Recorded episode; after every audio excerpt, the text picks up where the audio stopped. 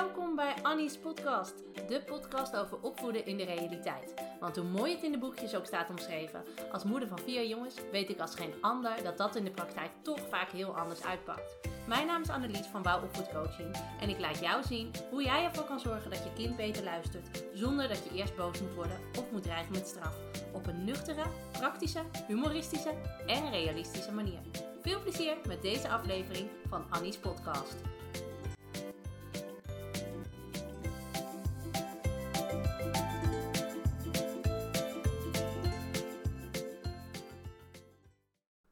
Het is echt alweer een ontzettend lange tijd geleden dat ik een podcast opgenomen heb. Eigenlijk gewoon een beetje gênant. Uh, maar er is het afgelopen half jaar een heleboel veranderd uh, binnen mijn bedrijf. En daardoor nou ja, is het gewoon zonder excuses op een lager pitje komen te staan. Maar inmiddels uh, staan er een heleboel nieuwe dingen. Misschien heb je het voorbij zien komen over realistisch opvoeden.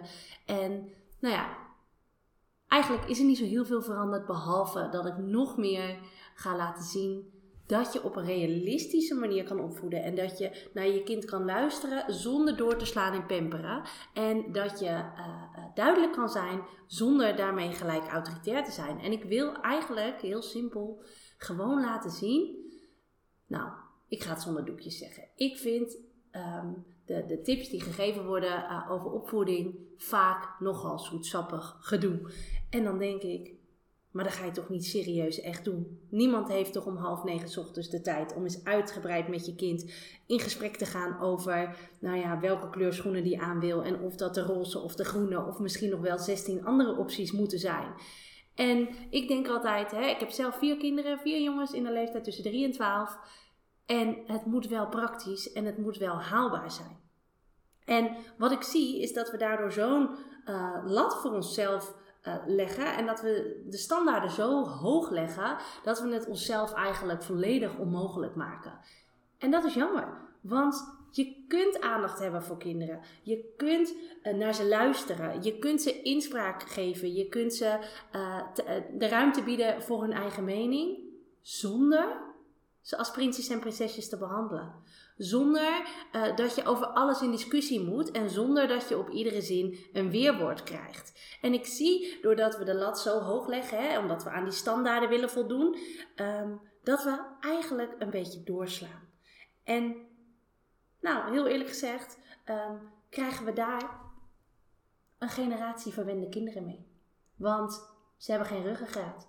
En uh, ze zijn niet gewend om nee te horen. En ze zijn gewend dat alles uh, in doekjes gewikkeld wordt en dat alles, uh, nou ja, in verzachtende omstandigheden gebracht wordt, omdat we onze kinderen niet willen kwetsen.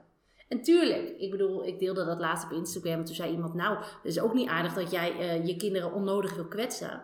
Daar gaat het helemaal niet om. Tuurlijk uh, hoef je niet grof tegen je kinderen te doen of moet je ze niet onnodig kwetsen. En tuurlijk moet je dingen subtiel brengen en op het niveau dat ze het aankunnen.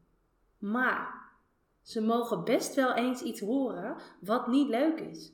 Kinderen hoeven niet alles leuk te vinden. Kinderen hoeven niet altijd tevreden en blij te zijn. En er is niks mis met dat ze een keer teleurgesteld raken. En het is niet onze taak om de buitenwereld te verzachten voor onze kinderen. Het is onze taak om onze kinderen weerbaar te maken om om te gaan met die buitenwereld. Die nou eenmaal niet zo makkelijk en lief is um, als we graag zouden willen. En uh, Weet je, tuurlijk, in een ideale wereld zou, als iedereen eens wat zachter en liever en vriendelijker zou zijn, dan zouden we ook niet zo uh, uh, tegen teleurstellingen aanlopen. Maar ja, spoiler alert, dat gaat gewoon niet gebeuren. Het, het is nou eenmaal, die wereld is er en het is onze taak om onze kinderen daar weerbaar en zelfstandig in te maken.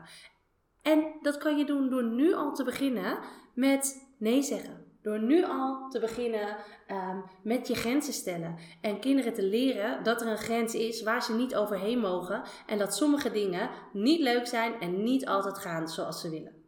Nou, ik merk dat dit. Uh, ik had een heel ander. Uh, onderwerp voor deze podcast in gedachten. Uh, maar ik merk dat mijn inleiding al dusdanig lang is uh, dat dit gewoon een aparte podcast wordt. Um, want nou ja, het, het onderwerp wat ik in gedachten had, dat pakken we dan gewoon de volgende keer. Maar geloof mij, de wereld wordt er echt een stuk mooier op als we onze kinderen um, nou ja, klaar gaan maken voor de toekomst. Ik zie wel eens, mijn vriend is filiaalmanager uh, bij een supermarkt. En dan komt er een moeder van een jongen van 15 naar de infobalie en die zegt: uh, Joh, heb je misschien werk voor mijn zoon? En dan denk ik: Waar is je zoon dan? Die wil toch werken? Of ouders die om 6 uur s ochtends opbellen om te zeggen dat hun kind ziek is. En dan denk ik: Waarom belt die jongen zelf niet? Ja, behalve als hij in het ziekenhuis half dood en begraven is, uh, heb je een excuus. Maar dat zijn dingen die kinderen moeten leren om te doen. En we kunnen dat allemaal wel voor ze um, wegnemen, omdat ze het zo spannend vinden om het zelf te doen. Maar geloof mij, dan leren ze het nooit. En dat is precies met wat ik bedoel, dat, je, dat we een, een nou ja, dat we kinderen ruggengraat moeten uh, leren krijgen. En dat doen we niet door alles voor ze op te lossen. Dus de nieuwe weg die ik met realistisch opvoeden inga, met bouwopvoedcoaching inga, is eigenlijk dezelfde weg als die ik altijd ingegaan ben. Alleen ik ga het gewoon nog scherper neerzetten. En ik ga nog duidelijker zeggen wat ik ervan vind, omdat ik het juist zoveel, nou ja, ouders gun om het op een realistische manier aan te pakken. En eigenlijk is het mijn missie dat zoveel mogelijk kinderen opgroeien in gezinnen waar het fijn is en waar er niet constant strijd is. En nou ja, daar ben jij als ouder de, uh, degene van die dat voor elkaar kan krijgen. En je kunt naar je kind luisteren zonder constant die strijd aan te moeten gaan. En het kan op een positieve, realistische manier. Nou, um, dat was hem even voor nu. Uh, anders wordt het weer veel te lang. Um, volgende keer ga ik in op wat ik eigenlijk vandaag wilde bespreken. Maar voor nu dank ik je voor het luisteren en spreek ik je de volgende keer. Dankjewel voor het luisteren naar deze aflevering van Annie's podcast. Binnenkort komt er weer een nieuwe aflevering met een nieuw onderwerp over het opvoeden van jouw kind. Kun je niet wachten en wil je meer? Volg me dan op Instagram. Zoek me even op via uh, wow-opvoedcoaching. Daar deel ik iedere dag tips om het opvoeden leuker en makkelijker te maken. Wil je nog meer weten over realistisch opvoeden? Ga dan naar mijn website www.wouwopvoedcoaching.nl slash gratis. Daar kun je mijn gratis e-book downloaden Ontdek hoe jouw kind de wereld ervaart. Dan laat ik je zien waarom jouw reacties op het gedrag van je kind de boel vaak alleen maar erger lijken te maken. Nou, vond je deze podcast interessant? Uh, zou ik het hartstikke leuk vinden als je een aantal sterren achterliet in je favoriete podcast app. Um, daar word ik blij van. Ik spreek je in een volgende aflevering van Annie's podcast.